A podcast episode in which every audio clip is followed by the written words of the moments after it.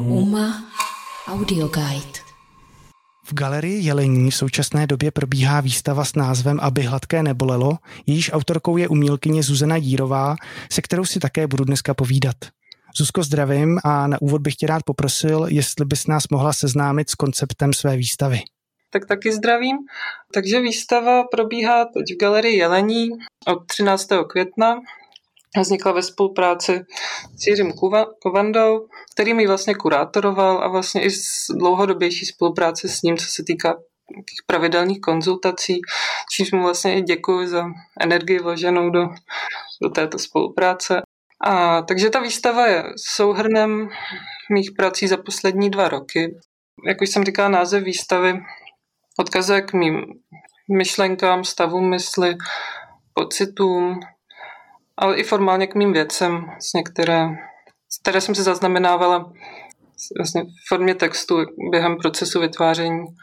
Ono by možná stálo za to říct, že to je vlastně úplně tvoje první uh, solo výstava, je to tak?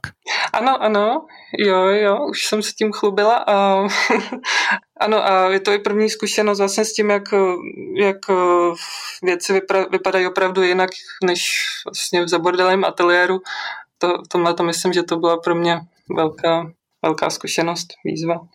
Něco nového. A jsem s ní ve výsledku vlastně spokojená. A značnou část tvé výstavy vlastně tvoří takový jako abstraktní motivy, tak mě by zajímalo, co tě vlastně vedlo ke stvárnění těch um, motivů jako v rámci teda abstrakce. Tak myslím že, myslím, že mě to k tomu nevedlo pouze v rámci výstavy. Vlastně k abstrakci jsem se dopracovala před dvěma lety. Pracuji už dlouho se svým digitálním tabletem, kde se můj styl vlastně po dobu pěti let velmi rychle měnil, což je asi zapříčeněno tím, že je to vlastně rychlé médium, je to vlastně takový nestálý prostor, kde mohu věci rychle měnit, mazat, mohu je multiplikovat, předělávat, můžu je rychle sdílet. Ale mám zase zároveň pocit, že jsem tak už nějak vyčerpala téma portrétu a figury, které právě předcházely tomuto abstrahování. Například z prvotní kresby jsem se, jsem se dostala až vlastně k plošnosti, což si myslím, že ale zároveň, což pro mě za, celkem zásadní moment, ale myslím si, že je zároveň celkem běžný, kterým si umělec převážně v malbě může procházet.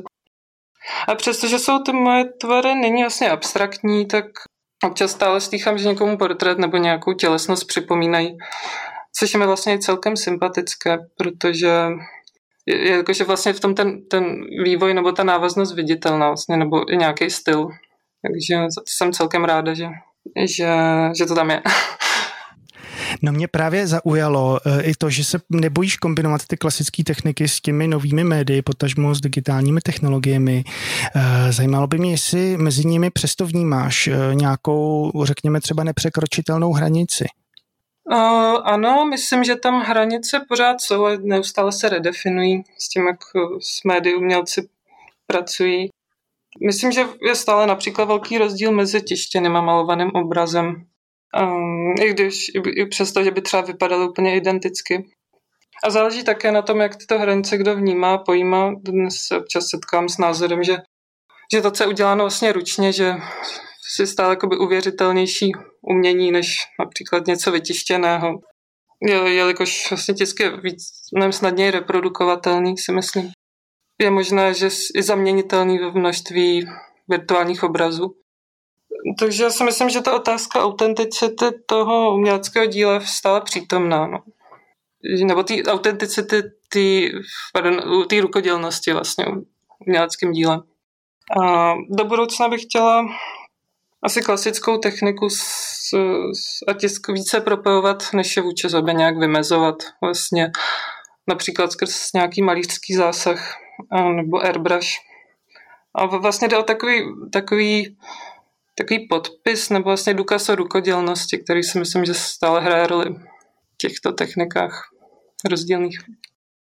A vlastně máš třeba i pocit, že eh, to jako je tam jakoby, eh, když jsi teďka mluvila o té rukodělnosti, že ta rukodělnost může být do určitý míry přítomná i právě v těch digitálních, nebo řekněme v těch, těch, eh, těch jako nových technologiích, kde dost často třeba tu rukodělnost přejímá automatizace? Já myslím, že, že může. Ale a myslím, že ještě se na to lidi zvykají vlastně na tu automatizaci, že to ještě není, nám na to ještě úplně názor nějak osobně. V pořádku, tak já děkuji za objasnění a e, vlastně ještě v souvislosti s názvem té výstavy, která se jmenuje Aby hladké nebolelo, e, bych se tě chtěl prostě zeptat, jak ti napadl ten název. Může třeba hladké bolet? E, tak ten název podobně jako obrazy vlastně nemusí mít nějakou konkrétní definici. Spíš to každému nechám tak, aby se nějak volně vnímal po svém. Pro mě je spíš intuitivní záležitosti odkaze formálním prvkům, které používám ve své práci. Ale kdybych měla třeba definovat to, jak vychází z, vlastně z, nějak z mého života, když to tak řeknu, tak například dlouhodobé pohodlí mě po, mě po čase začne bolet, jakoby. V podstatě začne být nepříjemné. Takže vlastně potřebuje vždycky něco ostrého nebo něco nového, aby mě hladké nebylo. Uh-huh. A při pohledu na uh, vystavené objekty, uh, my vlastně hned třeba naskočili Dalího rozteklé hodiny nebo malby Joana Miro. Uh, je to pouze moje interpretace a nebo se jedná o tvojí, řekněme, skutečnou inspiraci? No, upřímně neinspirovala jsem se těmito dvěma autory a jestli ano, tak, tak možná nějak podvědomě, nebo vlastně z toho důvodu, že se vlastně pořád o nich učíme v dějinách umění. Ale souhlasím, že nějaké, nějaké formální prvky nebo malířské postupy mohou odkazovat nějakým modernistickým eh, nebo surrealistickým postupům práce. Nebo vlastně surrealistické snové elementy se v nich občas objevují, ano.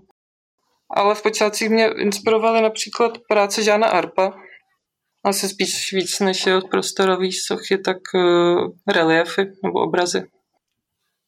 On si tam ve výsledku konec konců asi ten divák může um, třeba po svém najít uh, to svoje, co ho oslovuje, nebo ne a možná si to propojit i prostě s, s, s něčím jiným, že, že ono to je asi dost subjektivní ve výsledku.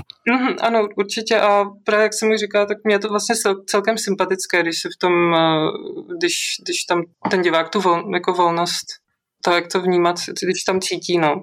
Nebo i když tam vlastně vidí ten portrét, tak eh, vlastně, nebo i postavu, nebo tanec, nebo jsem tak slyšela, takže, takže za to jsem vlastně i celkem ráda, že to vlastně nemusí ve výsledku být pouze syrově abstraktní záležitost. Tak a teďka, když jsme se bavili o tom, co, co všechno se ti do té umělecké tvorby uh, promítá, bavili jsme se třeba o jiných autorech nebo o, o inspiracích, tak mě nemohlo uniknout tvoje nadšení do bojových sportů. Uh, a tak mi to nedá se jako nezeptat. Myslíš si, že se ti uh, bojové umění nějakým způsobem promítá i do tvé umělecké tvorby, nebo že to je třeba naopak, třeba únik do úplně jiného světa?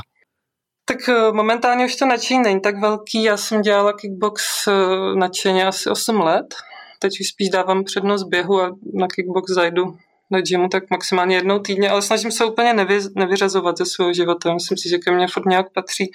A ve spojitosti s uměním jsem o tom přemýšlela častokrát. Například vnímám takový dnešní tlak na umělce vlastně v tom být stále aktivní nebo probuzený, vlastně se, se nějak sebe prezentovat a to mi, to mi nemálo kdy boj v ringu připomíná. Dobře. A když se budeme bavit ještě o výstavě jako takové, jestli je možný ji nastívit už jako zcela úplně fyzicky, anebo se na ní ještě třeba vztahují nějaká, řekněme, koronavirová omezení. A pokud třeba je možné ji naštít fyzicky, tak uh, trvá prosím do kdy? Tak výstava trvá do 6. června a myslím, že už uh, den navštívit zcela fyzicky. Byla teda ještě bez vernisáže, ale ale myslím, že, že, že, to, že to jde, že, že už se to naštěstí nějak rozvolně. Tak to je každopádně jako velmi pozitivní zjištění, takže super. A já bych se tě vlastně, protože už se blížíme k závěru, tak bych se tě rád zeptal, eh, nebo bych ti položil takovou, řekněme, kreativní otázku na závěr. Pokud bys měla možnost prostřednictvím jedné věty motivovat diváky k tomu, aby přišli na tvoji výstavu, tak jak by třeba ta věta zněla? Zněla by úplně formálně. Přijďte do galerie Jelení do 6. června vidět, aby hladké nebolelo. Tak k tomu opravdu nemám, co bych dodal. Přijďte do galerie eh, a Zuzko, já moc děkuji za rozhovor. Taky děkuji. Děkuji. Naschle. Ahoj. Pro UMA Audio Guide Vojtěch Novák. UMA Audio Guide